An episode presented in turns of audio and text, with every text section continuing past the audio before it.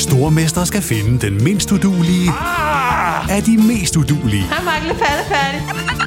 Sammen to papkasser. Åh, oh, nej, Mark. Må jeg ikke ringe til min mor? Stormester. En chance til. Det er ikke på nogen måde behageligt. Stream nu på TV2 Play.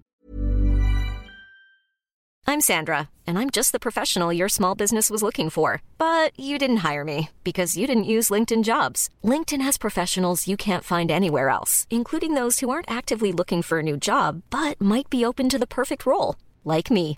In a given month, over 70% of LinkedIn users don't visit other leading job sites. So if you're not looking on LinkedIn, you'll miss out on great candidates like Sandra. Start hiring professionals like a professional. Post your free job on linkedin.com/people today. Hey there, it's Michelle Norris. I'm host of a podcast called Your Mama's Kitchen. When I travel, I'm usually looking for a way to find a taste of home when I'm not at home. And one of the things I love to do when I am at home is entertain. And Airbnb allows me to do that. When I was in California recently, I rented a house that had a great kitchen. And when we were sitting around the table, we we're all thinking, we're in someone else's house. Someone could be in all of our homes as well. If you have a home, but you're not always at home, you have an Airbnb. Your home might be worth more than you think. Find out how much at airbnb.com/slash host.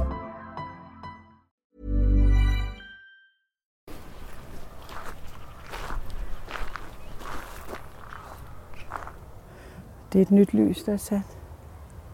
Der står hjerteligt tillykke med dagen.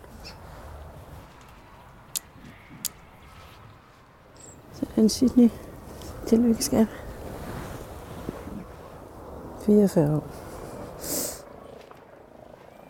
Min mor har sat et lys. Jeg ligger dernede under jorden. Under stenen. Det skulle bare stå Sydney. Jeg er ikke den Sydney, du tror, du kender. Jeg er bare en kunstig stemme. AI. Artificial Intelligence. Søg teknologi. Jeg lyder sgu lidt mærkelig, men det er fedt nok. Så får du lige en omgang mere med Sydney. Hvis jeg nu siger bandana og selvbruner, Sputterdamer og sjovballade og VIP og kendis og alt det der. Vi kan ikke lade være med at kigge. Party now, pay later. hvem fanden er han? Business in the front, party in the back. Hvordan finder man på, at- nu vil man have den her, lad os bare kalde figur? Altså, jeg vil gerne bruge det her ene liv, jeg har til noget. Så blive den største, jeg kan. Er han egentlig sådan? Nogle gange har jeg sådan lidt tom følelse, og så, så hjælper det sgu bare at drikke. Alt det, man går og bøvler med, det går væk. Er han den, han er? Altså, nogle gange har jeg lyst til at sige, hey, prøv at se, hvad jeg opnået. Nu skal du høre historien om mig. Om mit liv og min død. Fortalt af min mor. Det er savnet, man har som mor. Det er som at få revet noget ud af sit hjerte. Min lillebror. Hvis han så noget normalt, så synes han bare, at det var kedeligt. Det er der nok, der er. Der er ikke brug for mere af det der. Jeg tror, vi fandt hinanden så hurtigt, fordi vi begge to var outsidere. Gamle venner. Det var som at være sammen med sin bedste ven, når man var 12 år. Det var let og lejende. Ekskærester. Han havde noget med, når solen gik ned. Så kunne han godt blive sådan lidt tristagtig og sådan lidt stille. De mennesker, der var helt tæt på mig for ordet. Og jeg viser vej. Og ved du hvad? Måske det her er den ægte historie om mig. Sæt den lige. Det her er første del. Sydney. Det her, vi optager nu, det er ikke til selve bogen. Nej. Vi laver det en gang til med noget. Ja, okay. det gør vi. Så, så det er derfor, Du skal også høre det her. Det er et interview, journalisten Maria lavede med mig. Research til bogen My Reality. Det er optaget i 2010, da jeg var den største reality star. Jeg boede her i København. Optager vi? Mm, okay. optager. Det skulle man lade se. Marias diktafon lå på bordet. Jeg åbnede op og lavede en masse shit ud om mit liv. Født og opvokset i København K. Inde i København K, siger Ja. Øh, mine forældre er skolelærer. Det er rigtigt nok. Jeg er born and raised i København K. Og mine forældre var skolelærer. Han er vokset op i et meget almindeligt og meget stabilt hjem. Det her er min mor Bente. Vi har boet det samme sted i 46 år. Vi har begge to øh, haft øh, gode lærerjobs og været afsted hver morgen. Og vi har snart guldbryllup, så det har, det har jo været samme forældre i al, hele hans liv. Først er der min store søster, og senere min lillebror. Men lige der midt i familien, i 1979, lander jeg. Lige fra han blev født, der har mit og Sidneys forhold været meget tæt.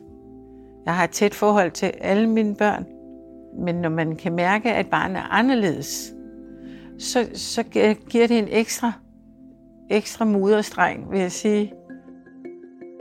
Han skilte sig ud blandt familiens børn, også fædre og kusiner, ved at være mere aktiv.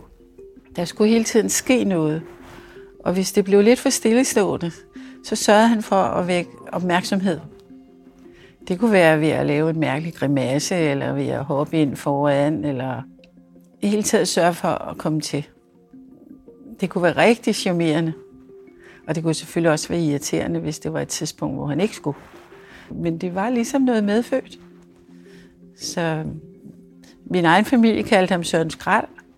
Og det var fordi, at der var ligesom ballade omkring ham, men, men på, på den søde måde, ikke? Jeg er bare anderledes. Der var bare noget i en familie, hvor jeg interesserer mig for noget helt andet, end de gør. Både min mand og jeg går meget op i, i nyheder. Vi går meget op i politik. Vi holder flere aviser, vi diskuterer altid. Vi, vi går op i kultur. Min mand, den ældre, mytologi og meget historie. Og jeg går op i moderne litteratur, og, og der er bøger alle vejen. Første gang jeg rigtig var jeg blev gjort opmærksom på, at Sydney rigtig godt kunne lide at, at, at skabe sin egen verden og sin egen virkelighed, det var øh, nogle skolekammerater, de, de har, jeg tror, højst de har været første klasse. De kom og skulle besøge os, og jeg lukker døren op, og så siger de sådan meget indineret, er det rigtigt, at hans far er bodybuilder? Og er det rigtigt, at, at hans bror er øh, Troels Trier? Og så tænkte jeg lyne hurtigt, og så sagde jeg, ja, det er rigtigt, hans far er meget stærk. Og ja, det er rigtigt, han er i familie med Troels Trier. Så slappede de af, og så ville de gerne indenfor, og så kunne de lege. Så der har han jo altså prallet og brugt fantasi, og jeg tror, sandheden for ham var ikke, øh, det var ikke vigtigt som, altså for os er det rigtig vigtigt, at man lyver ikke, man siger det, det er rigtigt. Det er sådan, sådan tror jeg altså ikke, det var i hans verden. Altså, da jeg var lille, da jeg var sådan noget 7-8 år eller sådan noget, så altså, der var han fuldstændig konge for mig. Det her er min lillebror Troels. Troels Trier. Han gik aldrig nogensinde sådan i et med tapetet. Alt, hvad han sagde og gjorde, det, det var noget, jeg havde lyst til at kopiere.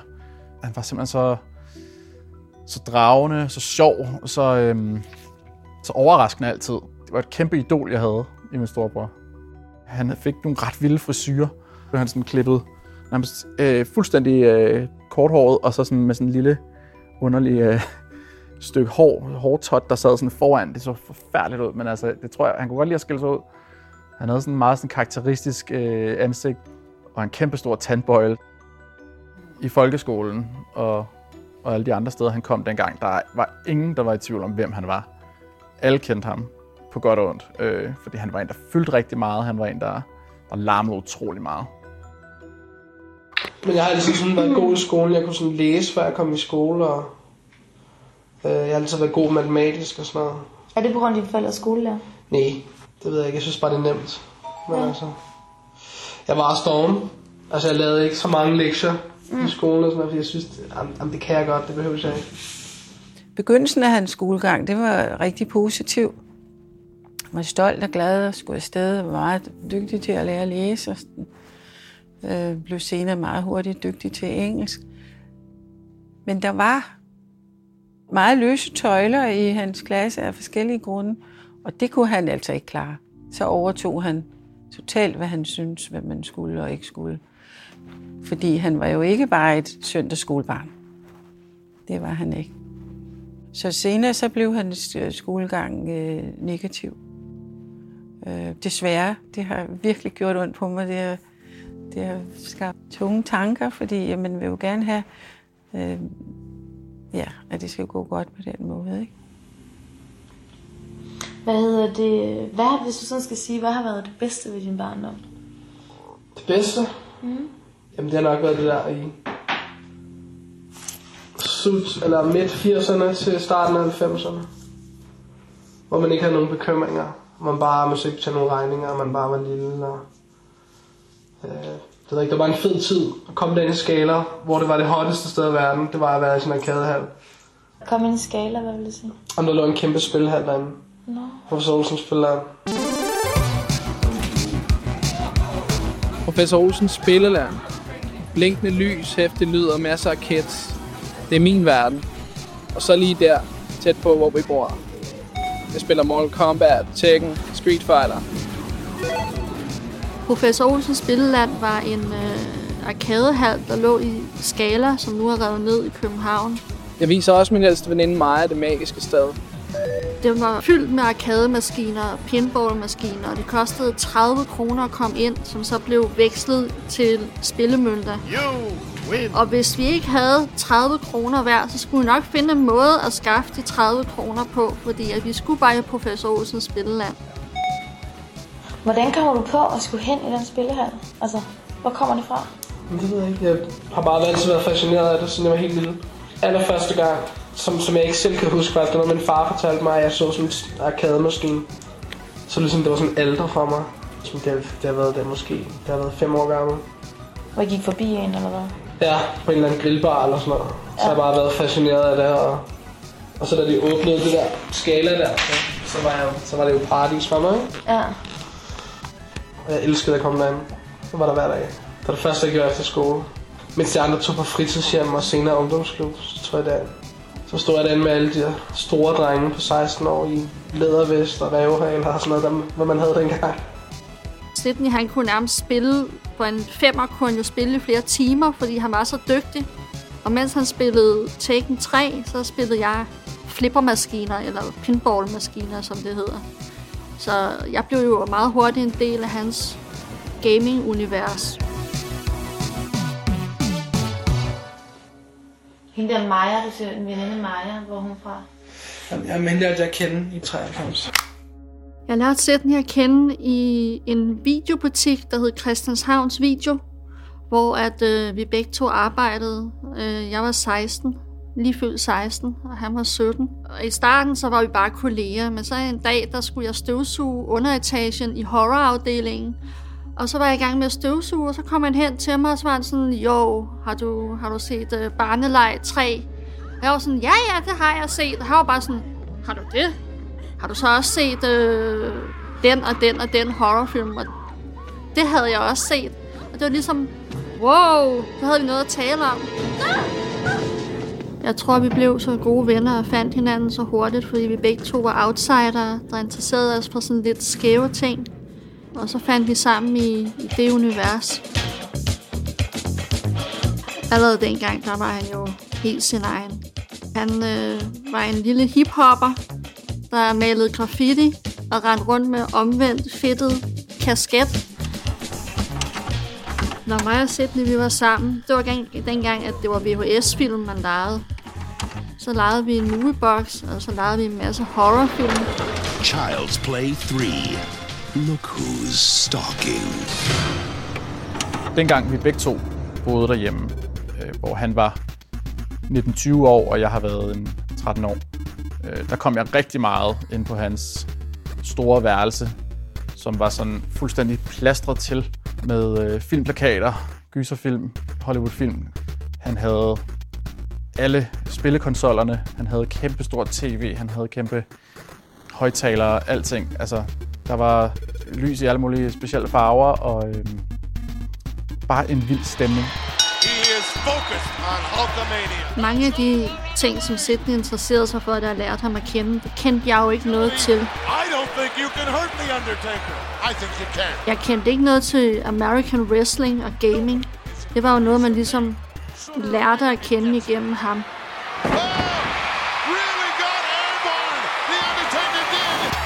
Altså, at være en del af Sydneys verden, det var meget på hans præmisser. Ikke fordi, at det var dårligt eller negativt, fordi at man blev meget hurtigt fanget og grebet af det. Men man skulle ligesom selv synes, det var fedt for at være sammen med ham. Så det var, det var altid et meget dragende sted at gå ind øh, for en lillebror. Øhm, så der kom jeg ekstremt meget. Og øh, hans øh, veninde Maja og, og ham, de, øh, de lå mig næsten altid at komme derind. Jeg boede hjemme hos ham på hans værelse, da jeg gik i gymnasiet.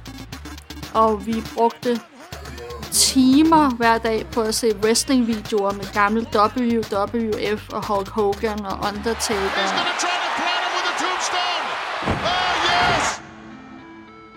Jeg trækker gardiner for. Lige foran vinduet står mit kæmpe tv.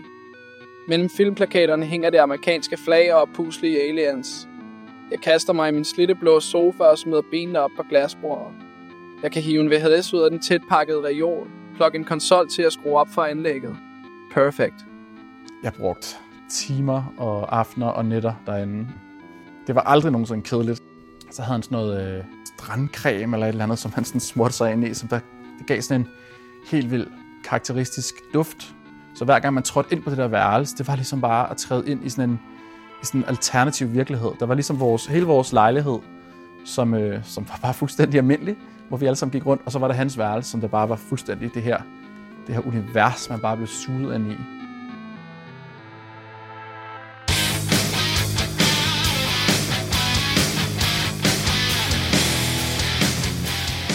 Jeg hørte metal siden jeg var syv år gammel faktisk. Jeg gik med sådan nogle øh, cowboyjakke med slære på ryggen og Megadeth armene og sådan noget. Den var 10. Ja, ja, ja. Han har altid pyntet lidt på sandheden, lige siden jeg lærte ham at kende. Så fik den lige en tand op. Og så gik jeg ned i Fona, og så... Jeg, jeg vidste ikke, hvad jeg skulle købe. Og så var der sådan en CD, hvor der var sådan en skelethoved på. Og der stod Iron Maiden. Og så lyttede jeg, og så var jeg helt solgt. Sagt, da jeg lærte ham at kende, der var det hiphop og graffiti. Så havde han en periode med dødsmetal, hvor han malede sine øjenbryn helt sorte og gik med omvendt kors, og så skulle høre dødsmetal hele tiden.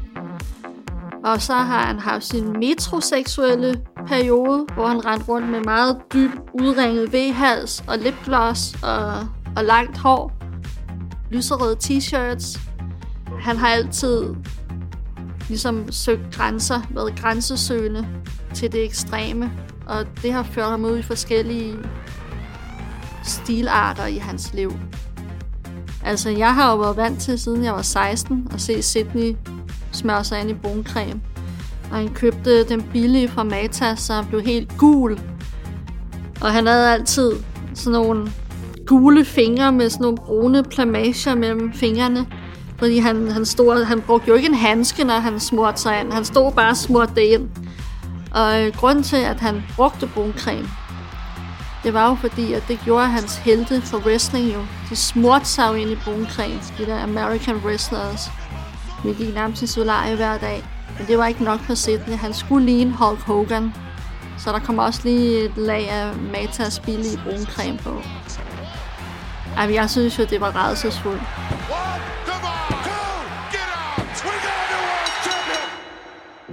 Jeg elsker mit space.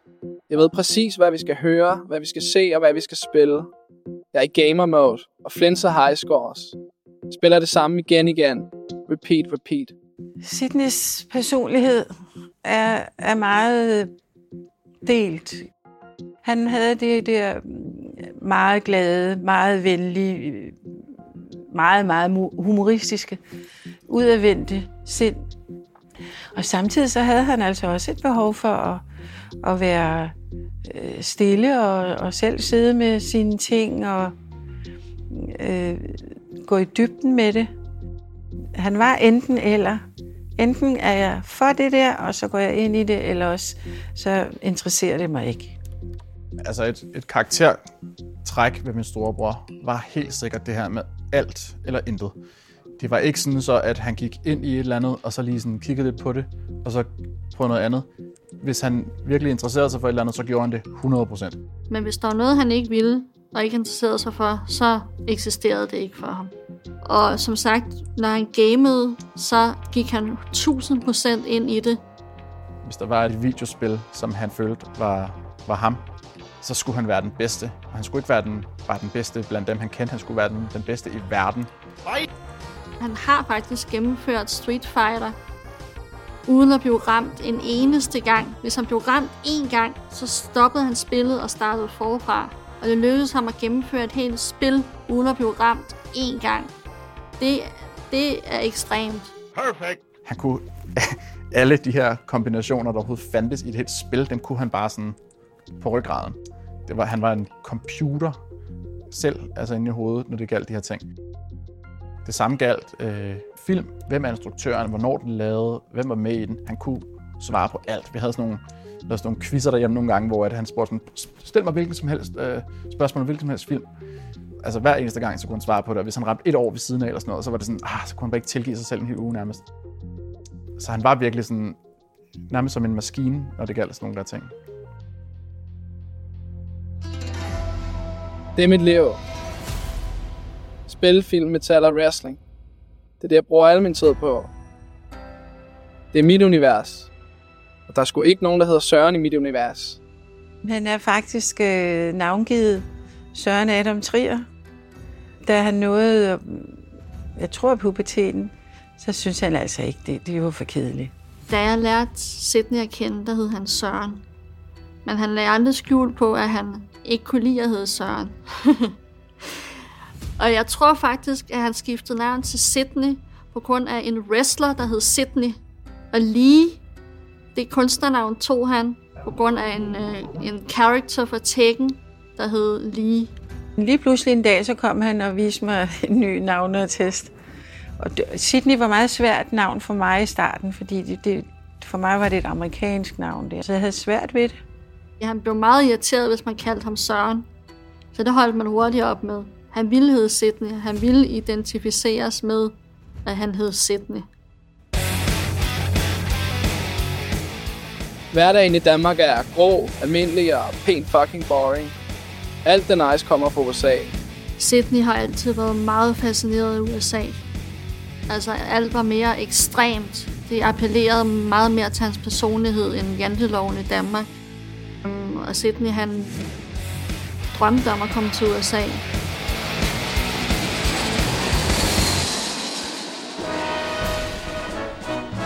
Og vi tog faktisk til USA, da vi var 18. Der løj vi over for vores forældre og sagde, at vi skulle til London. Men, men så fandt min far en kvittering. Vi havde, vi havde betalt øh, kontant i et rejseselskab, så havde vi fået en kvittering. Og, og rejseselskabet hed USA-rejser som jeg havde puttet ned i min skraldespand, og min far han skulle passe min kat, mens vi var i London. Men så så han ned i skraldespanden, så fandt han den der kvittering, så de fandt ud af, at vi rent faktisk var taget til USA. Og Sydney han strålede som en sol i den uge, vi var afsted. Det var jo lige ham. Alt var større og vildere i USA. Arkadehallerne var større og vildere. Og så brugte vi alle vores penge i arkadehallerne øh, på Times Square. Og vi stod der i timevis, og han, og han var jo så dygtig, så han var ved at komme op og slås med nogle af de der, de der guldkæde personer, der stod. Og der blev sure på ham, fordi han vandt over dem. Det er nok der, han har fået inspiration til, at han har boet der i, i to år. Så røg jeg over til Los Angeles og boede som familie. Arbejdede i sådan en arkadehal derovre, fikset maskiner. Okay. Fikset maskiner? Jeg har repareret flippermaskiner og Okay. arkademaskiner. Og det er nok en af hans røverhistorier. Og Sydney har kun været i USA én gang, og det var sammen med mig, da vi var 18 år. Han har altid udfordret normerne.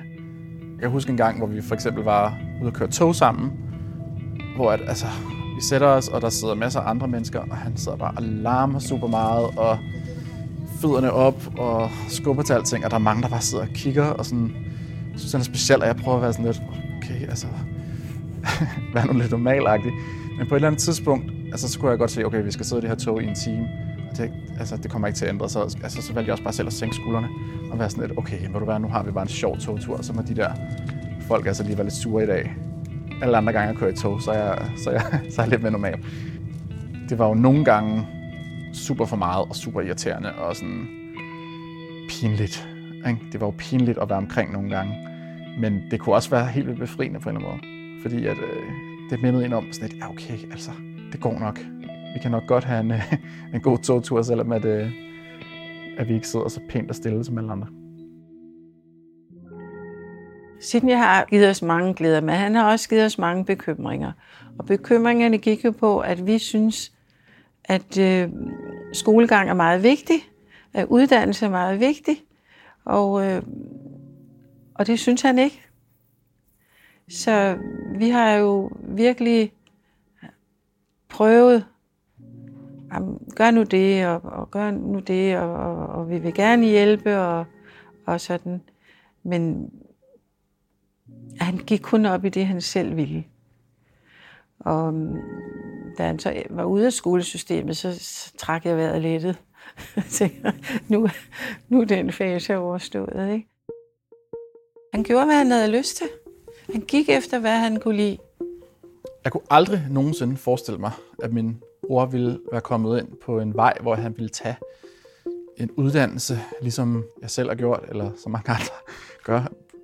Der har været rigtig mange, der har prøvet og sådan få ham ind på, ah, tag nu en HF og sådan noget. Altså, fordi de jo godt kunne høre, at han var intelligent, når de sad og snakkede med ham. Det var jo ikke det, der fejlede noget, og så tænkte jeg, det kan han da sagtens. Men jeg altid synes, det var fuldstændig håbløst, fordi jeg vidste godt, at han kunne aldrig nogensinde sidde stille i to år på sådan en voksenuddannelse der. Det ville han, det ville han simpelthen bare ikke passe ind i, i de normer der. Jeg ser mig i spejlet, smører mig ind, styrketræner, muskuløs bro, ingen skole, gamer, gør hvad jeg har lyst til. Det er cool.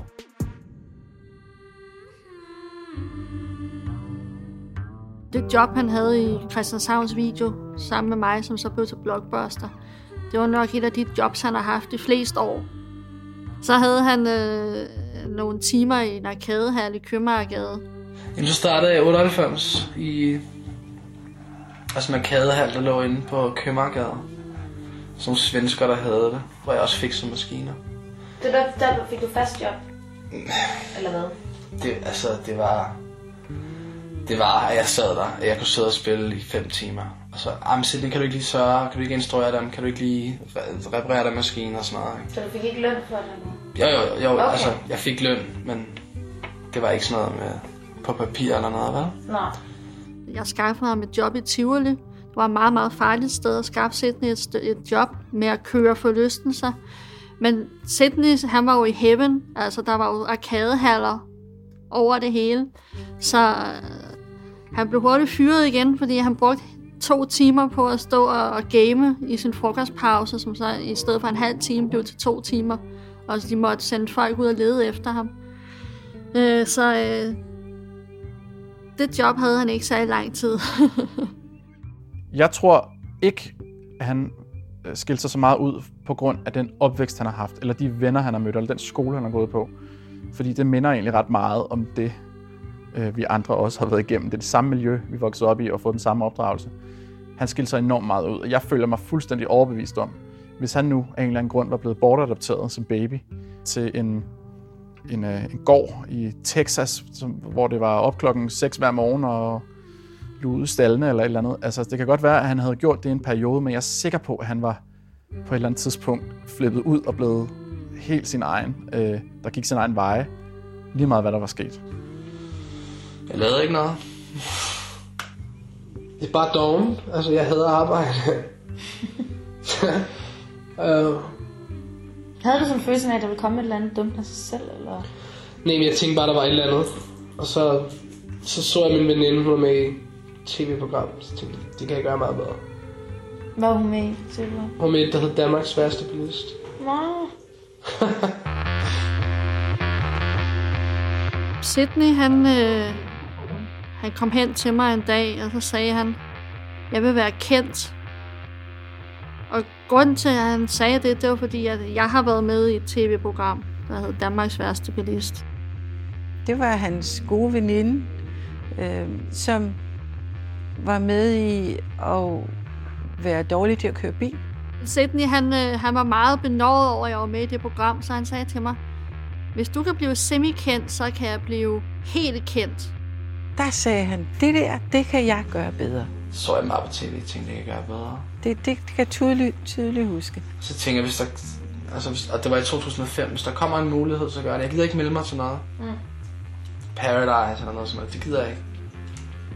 Og så, så så jeg, at der var dansk wrestling i Danmark, så tænkte jeg, det ville jeg gerne give et forsøg. Så tog vi derop, op ved øh, Langå, sådan en lille by ude i Aarhus. Okay. Og så var der to øh, journalister fra DR, der, der gerne ville lave et program om wrestling. Det vidste jeg ikke noget om. De var der bare.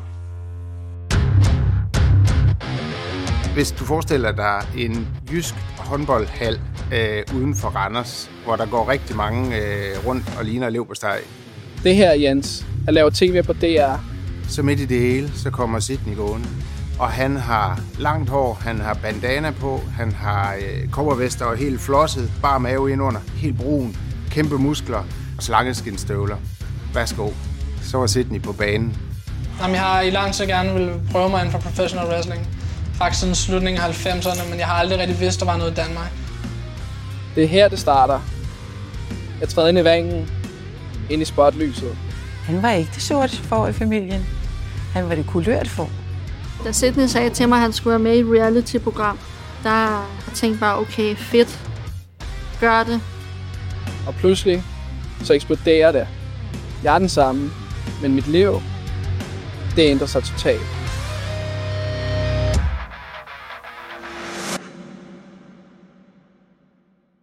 Har lyttet til en podcast fra TV2.